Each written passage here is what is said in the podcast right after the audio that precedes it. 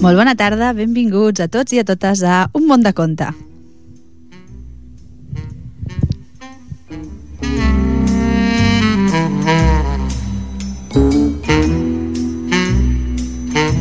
Com sabeu, com sempre, els que fem el programa, jo mateixa, la Mar Viera, i normalment el Jordi Puy, però avui tenim el Jordi Puy malaltó i tenim l'honor, ho dic bé, de tenir amb nosaltres el Toni Miralles, que ens donarà un cop de mà amb el tema del so. Gràcies, Toni. Estic una mica cascadeta de la gola, o sigui que si em dóna la tos i li haig de dir al Toni Toni a pujar la música que m'estic ofegant, espero que, que em perdoneu. Sabeu que estem a l'emissora municipal, sabeu que estem al 91.3 de la FM i sabem que estem a Ripollet Ràdio.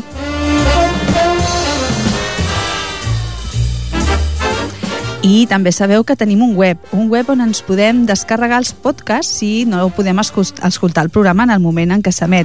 La web és el www.ripolletradio.cat i també sabeu que els programes es repeteixen durant el cap de setmana. En el cas d'un món de conte, el podeu tornar a escoltar els diumenges de 4 a 5 de la tarda.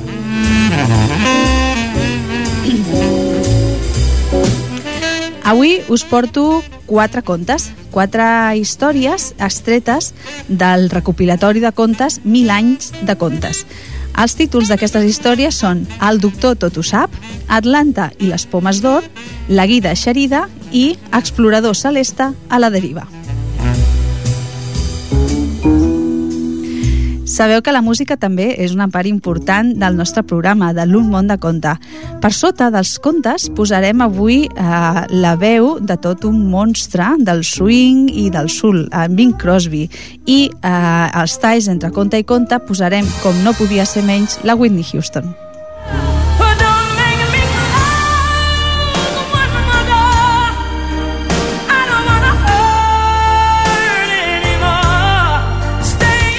Com sabeu, la Whitney Houston, una de les veus més maques doncs, que s'ha escoltat eh, en els darrers temps, ens va deixar el dissabte, el dia 11. Bueno, alguns diuen que, doncs, que aquesta era la crònica d'una mort anunciada. De tota manera, és una llàstima perquè, com deia, era una veu prodigiosa i avui al programa doncs, li volem retre aquest homenatge, així que escoltarem la veu de la Whitney Houston amb diferents temes que anirem posant. Bé, Um, abans de començar amb els contes, uh, us voldria parlar del volum on he extret els contes d'avui. De fet, n'hi han més d'un volum d'aquest uh, llibre, però tots els podeu trobar, per exemple, a la biblioteca de, de Ripollet els podeu agafar en préstec i a més a més són uh, contes que hi ha de tot, no? Hi ha contes que hem sentit moltes vegades, que són els que formen part del, del, del que es, els contes, tradicionals i contes no tan coneguts, que són més nous, alguns de diferents països, que també doncs, eh, bueno, és interessant conèixer-los.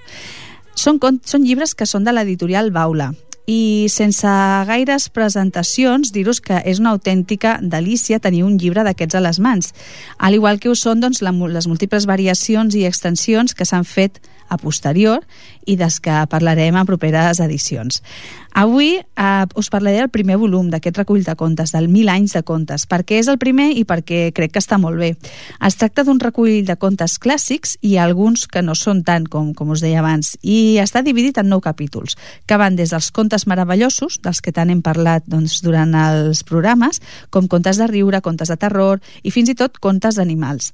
En total, més de 70 contes diferents classificats per temes i al principi de cada conte podem trobar doncs, informació molt interessant. En una primera part se'ns explica d'on prové el conte, per saber doncs, quin és el seu origen i en una segona part trobem doncs, uns pictogrames, és a dir, uns dibuixets que ens indiquen l'edat a la que està destinat el conte, el temps que dura explicar-lo i els diferents espais on es situa l'acció i també doncs, els personatges que hi apareixen. Després de tot això, doncs trobem el conte. I en el conte ens indica el tipus de veu que hem de fer en cada moment en funció de les dels interlocutors que intervenen. I, doncs, per exemple, si parla en patufet haurem de fer una veueta i si parla un ogre haurem, haurem de fer una veuassa. Mm? Així que, doncs, si us, si us interessa explicar o llegir clàssics com La Ventafocs o La Bella Dorment, En Jack i la mongetera màgica, que vam llegir al programa passat, La Caputxeta Vermella, o d'altres que no ho són tant com La Reina de les Abelles, En Joan de l'Os, El gall i la gallina van de viatge o El gat del gegant, doncs aquest és el, el vostre llibre. Recordeu, mil anys de contes i els podreu trobar a la Biblioteca de Ripollet. Sabeu que us sempre us recomano que, que aneu a la biblioteca i, per tant, doncs allà podeu trobar aquest recopilatori. Doncs bé, si us sembla, comencem doncs amb els nostres contes. Comencem amb El doctor tot ho sap.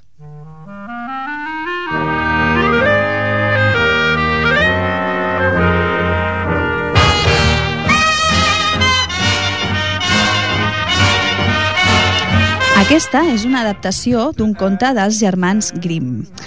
I diu així, vet aquí, una vegada, un pobre pagès que es deia Cranc, que va anar a una ciutat amb el seu carro per vendre llenya. La va vendre a un doctor i aquest el va convidar a dinar amb ell. El pagès va quedar enlluernat en veure que bé menjava i bevia el doctor i va pensar que quina llàstima que ell fos només un pagès pobre i no un doctor ric com aquell. Per això, al cap d'una estona, li va preguntar al doctor si creia que ell podria ser-ne també de doctor.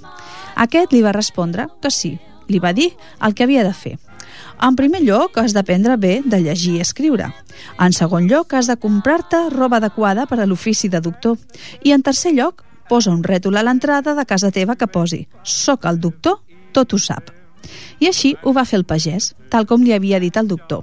Quan ja feia algun temps, no gaire, que feia de doctor, un dia el va venir a buscar un senyor molt important. «Vostè és el senyor tot ho sap?» Doncs miri, sí, jo mateix. Ah, molt bé, doncs hauria d'ajudar-me. Digui'm, si us plau, de què es tracta? Resulta que m'han robat molts diners i no sé qui pot haver estat. M'han dit que el doctor tot ho sap podria ajudar-me a trobar-los. Uh, sí, doncs, bé, l'ajudaré de bon grat, però miri, la meva dona, la Maria, també hauria de venir amb mi. Al senyor li sembla bé. Els va pujar al seu carruatge i se'n van anar tots cap al castell. Quan arriben, la taula ja era parada i preparada per al senyor del castell i el doctor. Però aquest diu, la meva dona Maria també. Seuen, doncs, a la taula tots tres i al cap d'un moment apareixen el primer criat amb una plata de tiberi que desprenia una agradable olor. Maria, mira, el primer, diu el doctor volent dir que s'acostava al primer plat. Però el criat va entendre que havia volgut dir mira, el primer lladre ja que efectivament ell era un dels que havia pispat els diners al senyor. Li va semblar que l'havien descobert i ho van a dir als seus companys de lladronici, als altres criats, que també van agafar por. El doctor ho sap tot, ha dit que jo era el primer. El segon criat va entrar amb por al menjador i només que el pagès el veu clavar un altre cop de colze a la seva dona li diu «Mira, Maria, ja ve el segon». El criat atemorit surt cap a fora. Quan va entrar el tercer criat, el pagès va tornar a dir «Mira, Maria, el tercer».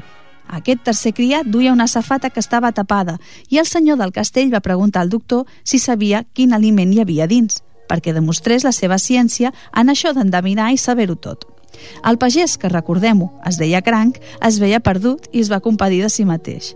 Ai, pobre Cranc! I el senyor va exclamar, Oh, sap que sota la tapa hi ha crancs? Si sap això, també deu saber qui va robar els meus diners.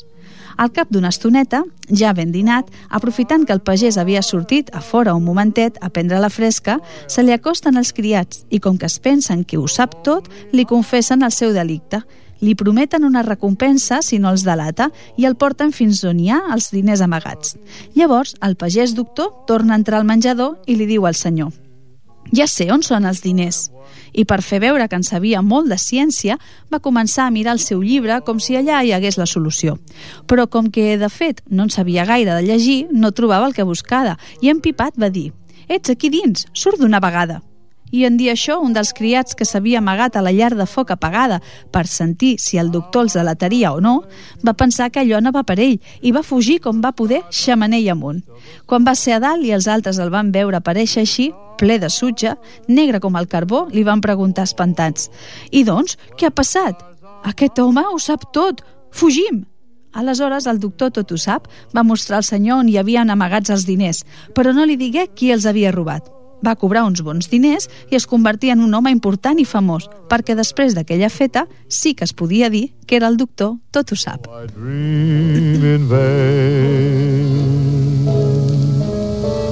In my heart it will remain. Doncs bé, com us he dit al començament, avui la part musical, doncs, com no podia ser d'una altra manera, va a càrrec de la Whitney Houston, que ens va deixar al cap de setmana. La Whitney doncs, va néixer a Los Angeles l'11 de febrer del 2000, ah, perdó, el 9 d'agost de 1963 i va ser una cantant de rhythm and blues, de soul, de pop i de gospel, encara que també va destacar com a actriu, compositora, productora, empresària i models i d'acord amb el Guinness World Records és fins la data l'artista més, mm, amb més premis de tots els temps, amb dos premis Emmy, sis premis Grammy, 30 premis Billboard Music Award i 22 American Music Award, per un total de 415 premis a la seva carrera. Escoltarem un primer tema que es titula I Have Nothing.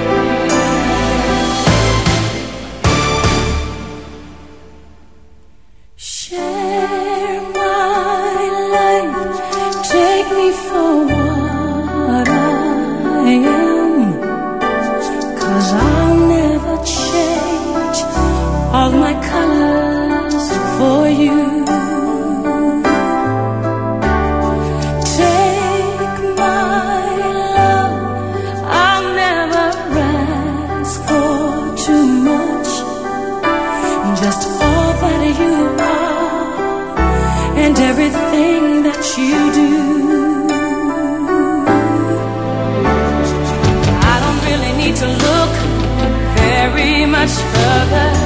I don't wanna have to go where you don't follow. I won't hold it back again. This passion inside can't run from myself. There's no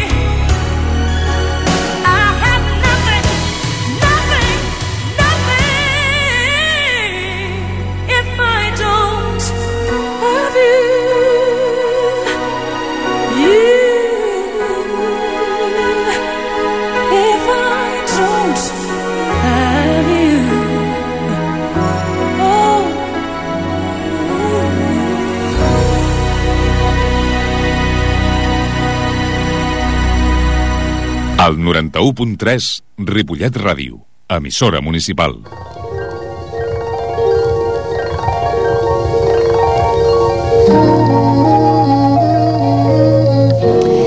delícia sempre escoltar la veu de la Whitney Houston. Anem per la segona història d'avui i és la que es titula Atlanta i les pomes d'or.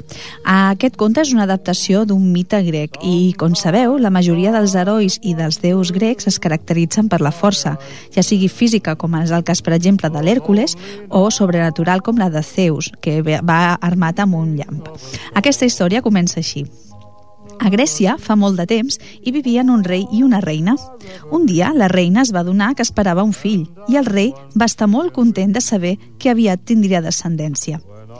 Quan la dida li va comunicar el naixement d'una nena, el rei es va enfadar molt i va dir al seu criat «Volia un fill perquè m'acompanyés de cacera i a la guerra. Agafa la meva filla i abandona-la a la muntanya». I el criat el va obeir. La nena abandonava, plorava de fred i de gana, i una ossa que la va sentir se la va endur a la seva cova. La va bressolar contra el seu pit per escalfar-la, la va alimentar amb la seva llet i la va criar amb els seus ossets. Gràcies a la mare ossa, la nena es va criar ferma i sana. Era més ràpida corrent que els animals. Un dia, van arribar al bosc uns caçadors. La van atrapar, se la van endur a viure amb ells i li van posar per nom Atlanta.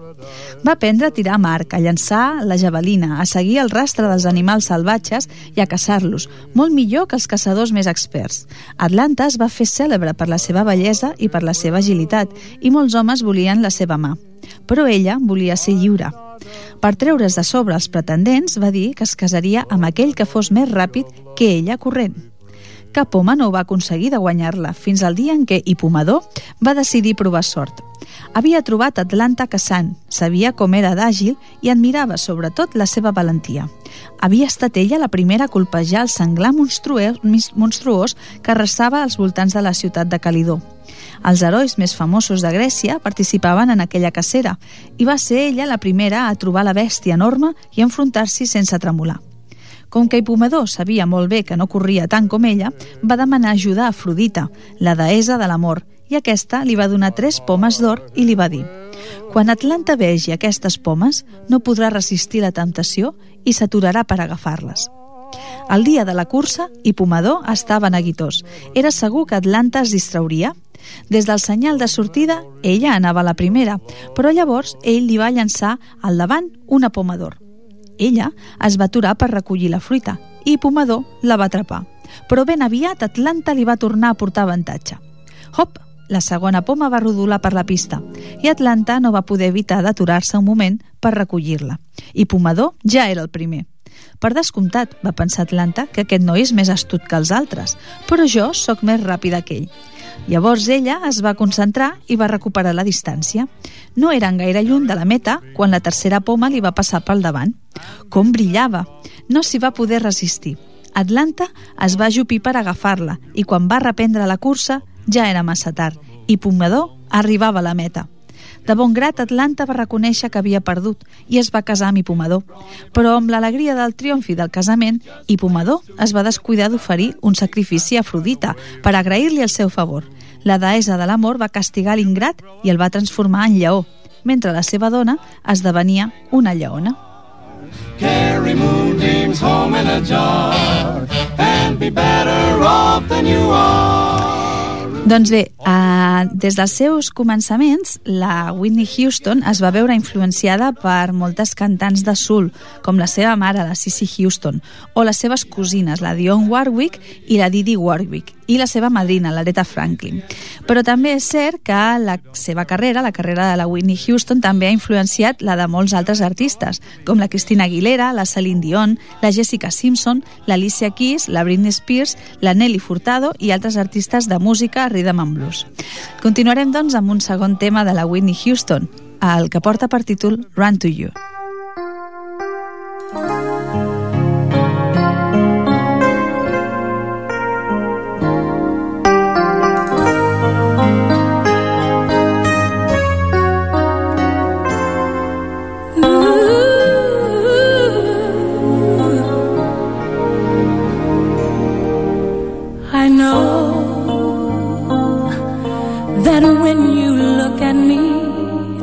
There's so much that you just don't see. But if you would only take the time, I know in my heart.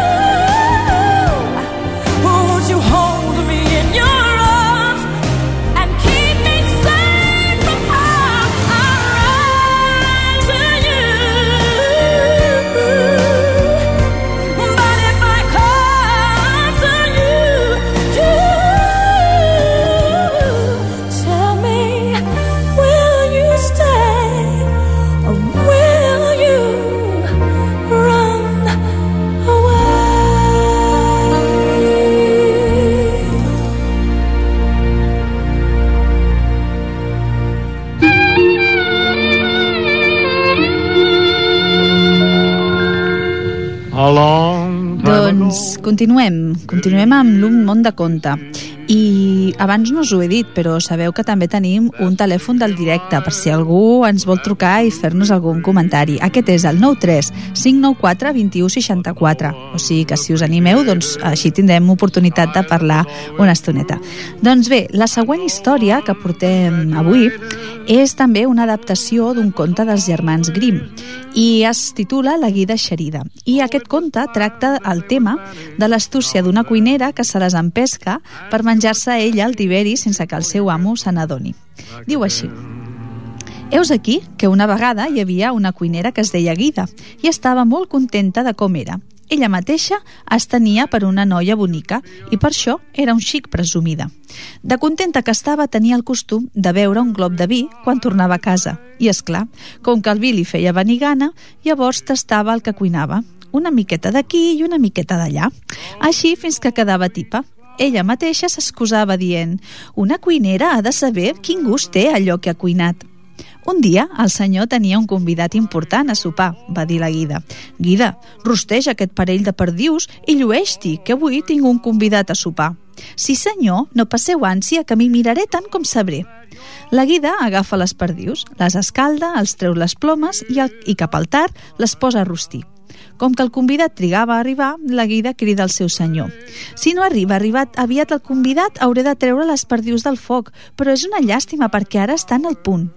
El senyor li diu que se'n va a buscar el convidat i quan és fora, la guida pensa Ai, quina set que he agafat estant tanta estona a la vora del foc. Oh, i encara potser que triguin. Saps què? Baixaré un momentet al celler i em faré passar la set. I quan és al celler, pren un glob de vi. I després, encara un altre. I per acabar-se de treure la set, i perquè hi havia trobat gust, encara un altre de més llarguet. Llavors, puja dalt, posa les perdius un altre cop al foc i comença a fer rodar l'ast. Com que aquelles aus rostides començaven a deixar una oloreta d'allò més saborosa, la guida pensa aquest rostit, aquest rostit s'hauria de tastar abans que arribi el convidat. Posa el dit al suquet, el llepa i diu quin menjar tan bo i tan desaprofitat, és una vergonya no menjar-s'ho de seguida. Llavors s'acosta a la finestra per veure si arriben els comensals, però i ca, ni el senyor ni el convidat no s'alviren des d'allí. Torna a la cuina i li sembla que una de les ales de les perdius s'està cremant i pensa mm, val més que me la mengi abans que es faci malbé. I dit i fet, la talla i se la menja. I encara pensa, potser que em mengi també l'altra ala perquè si no, notaran que hi falta alguna cosa. I efectivament, se la menja també. Torna a la finestra i veu que encara no ve ningú. Potser han entrat a menjar en alguna fonda i ja no vindrà. No em queda més remei que acabar el que he encetat, pensa. Torna al celler, fa un glob de vi més llarg que els altres, força més llarg i torna amb les perdius. De seguida s'acaba la que ja no tenia ales i es queda mirant-se l'altra tota pensativa. Què n'hem de fer d'una perdiu sola tan bona parella que feien?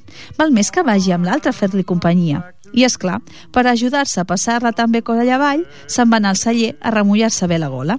Vet aquí que arriba el senyor a la casa i li crida «El convidat és a punt d'arribar! Guida, prepara-ho tot!» Sí senyor, sí senyor, ara mateix, li contesta la guida. El senyor veu que la taula és parada i agafa el ganivet amb què trinxarà les perdius i comença a passar-lo per l'esmolador. Al cap d'un momentet arriba el convidat i truca a la porta. La guida va corrents a obrir i li diu no feu soroll, marxeu de seguida, que si no, ni sortireu perdent. Penseu que el meu senyor us ha convidat a sopar. És veritat, però com que no té una altra cosa per menjar, té al cap de tallar-vos les orelles. Escolteu, escolteu com està esmolant el ganivet. No seríeu el primer convidat que surt d'aquí orella escapçat. El convidat que sent l'esmolament del ganivet i fuig com una centella, com si el seguissin tots els dimonis de l'infern. La guida, astuta, va corrents cap al senyor i li crida «Senyor, senyor, que el convidat s'endú les dues perdius de la safata i fuig com una bala». «Què dius ara? Quina barra! Si almenys n'hagués deixada una, encara podria menjar alguna cosa». El senyor surt a fora, encara amb el ganivet a la mà, i crida al convidat, però aquest es fa l'orni. Llavors el senyor arrenca a córrer darrere seu i li crida ben fort «Almenys una! Almenys una!» volent dir que li deixés almenys una perdiu. Però el convidat no entén pas això, sinó que el senyor vol almenys una de les orelles. I per això el convidat «Vinga, corre, que correràs!» per salvar les orelles fins que va ser ben lluny. Diuen que mai més va voler anar convidat en lloc, pobre home. Mentrestant, la guida païa de gust les dues perdius que s'havia ficat al pap. Eyes and smile, dear. Vanish all those Aquesta guida era molt, molt astuta, sí senyor. Doncs bé, uh, continuem amb la música de la Whitney Houston. Doncs com sabeu, avui li estem retent un homenatge des de l'Un món de conte. Ara escoltarem un tema que, bueno, el compositor d'aquesta cançó, d'aquest tema, és l'Albert Hammond. Alguns de vosaltres direu, bueno, i aquest qui és, no? Doncs bé, igual el recordeu perquè era aquell que cantava It Never Rains in Southern California, una de les cançons doncs, també bastant famoses. Bé, escoltarem ara One Moment moment in time.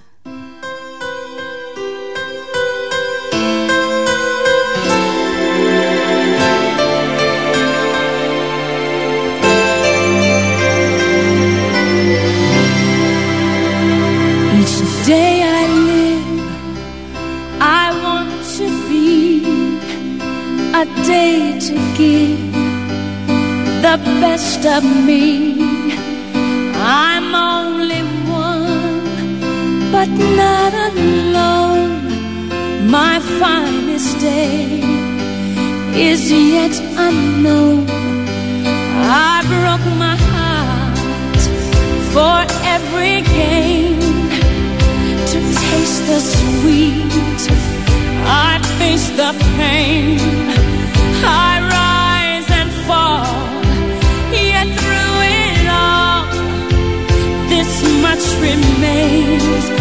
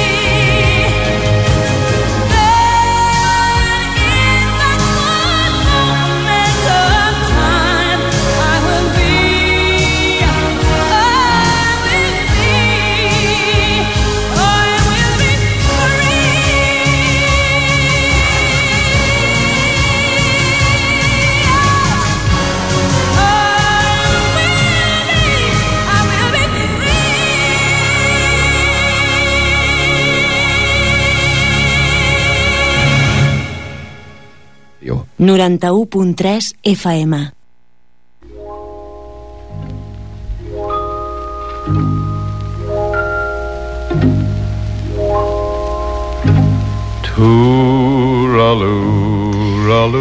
Bé, eh, per aquells que seguiu la tradició, fa res, una setmaneta o així, es va celebrar el Dia de la Candelària. I el Dia de la Candelària, doncs diuen que és el dia en què s'ha de treure el pessebre de Nadal. Doncs bé, hem triat el següent conte, doncs bueno, ja per dir-li definitivament adeu al pessebre i per tant al, al Nadal i encarar una nova època doncs, que ve amb el Carnestoltes, doncs, que serà aquest cap de setmana esteu ja pensant vosaltres la vostra disfressa, recordeu que el dissabte a la tarda fem la rua de Carnestoltes, per tant, tothom al carrer amb la seva disfressa per gaudir d'aquest dia. Doncs bé, aquest conte es titula Explorador celeste a la deriva i és un conte d'en Pere Caldés i va ser publicat a la revista Cavall Fort l'any 1965. Diu, a casa de l'Ernest hi havia sempre el problema de fer lloc. El pis era petit i la mare de l'Ernest es queixava de la falta d'armaris i fins i tot de la falta de panys de paret per posar-hi armaris. Per aquesta causa, el pessebre que muntaven cada any tenia una forma allargada i semblava que les figures feien cua i les muntanyes quedaven encantades a l'horitzó que era un paper d'embalatge amb una posta de sol pintada. Als ulls de l'Ernest es podia comptar amb l'avantatge d'una major intimitat. Tot era a la mà i el petit univers quedava tot ell a l'abast, sense altres secrets que els que s'oferien a les mirades infantils.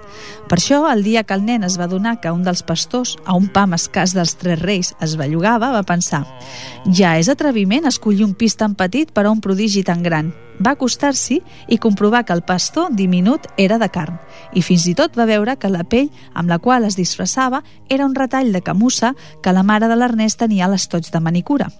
El pastor, en sentir-se atrapat, va fer un gest molt expressiu amb les mans, com si volgués dir que ja en parlarien amb més calma.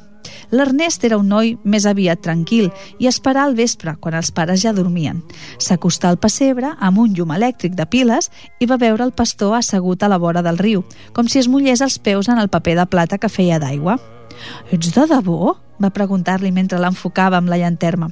Tot protegint-se de l'enlluernament amb el braç, l'altre respongué «Soc cosmonauta i vinc d'una galàxia de prop d'aquí.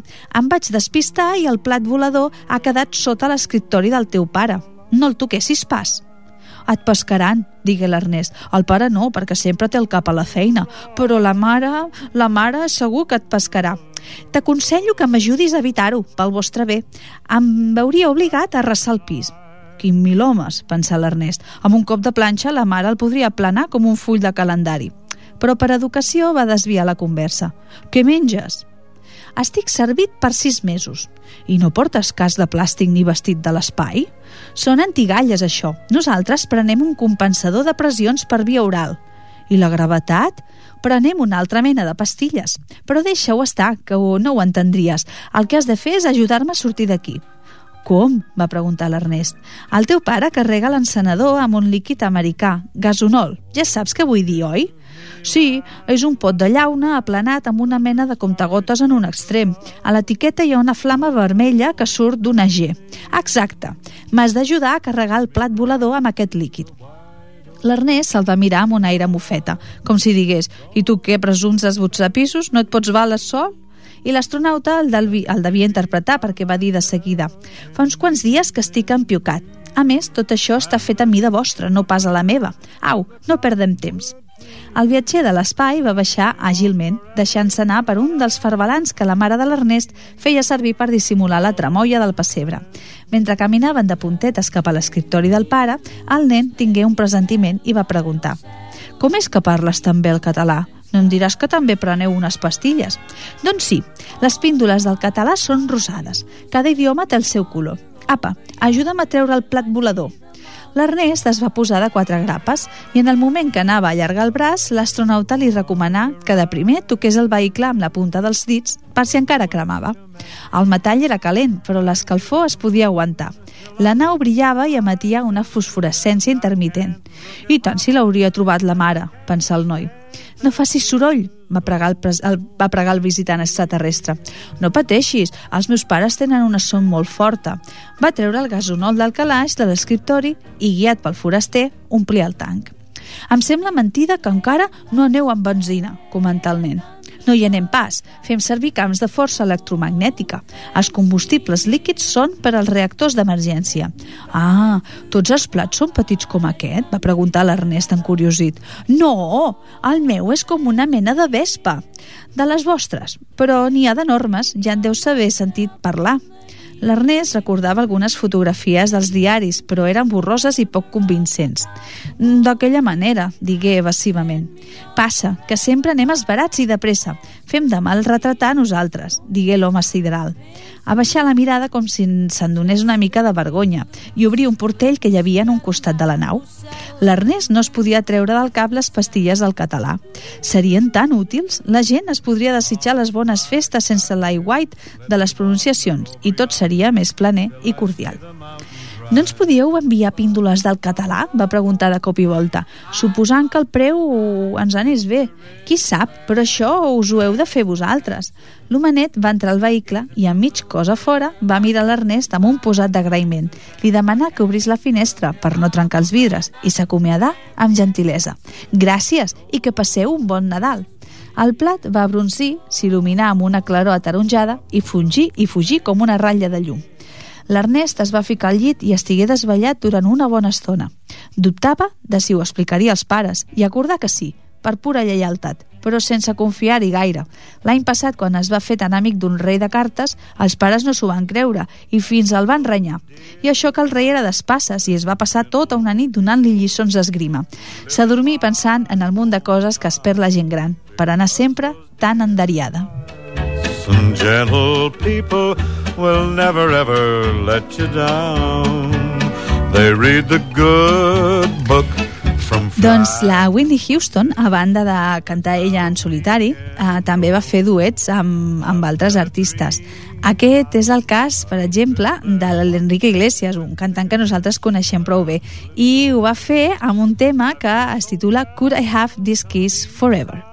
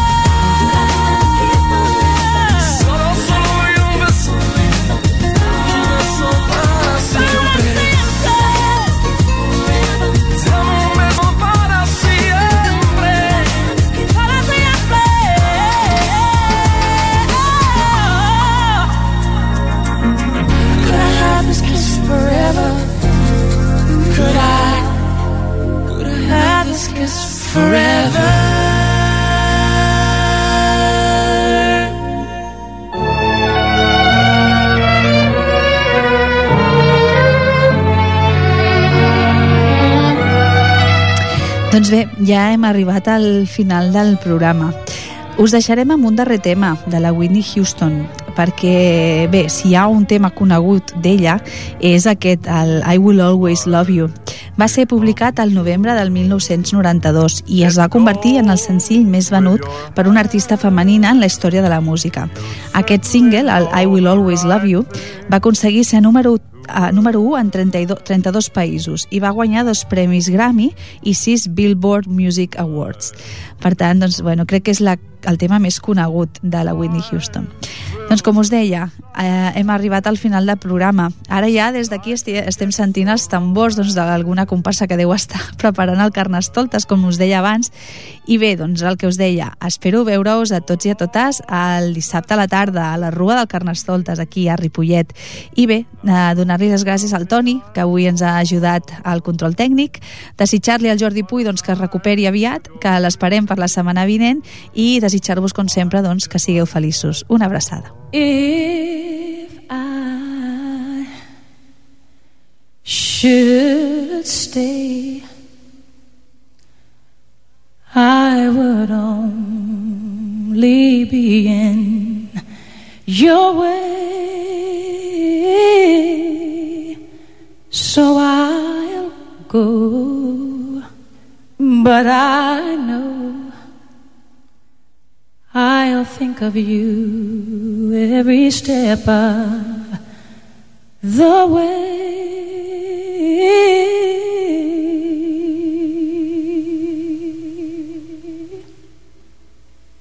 And I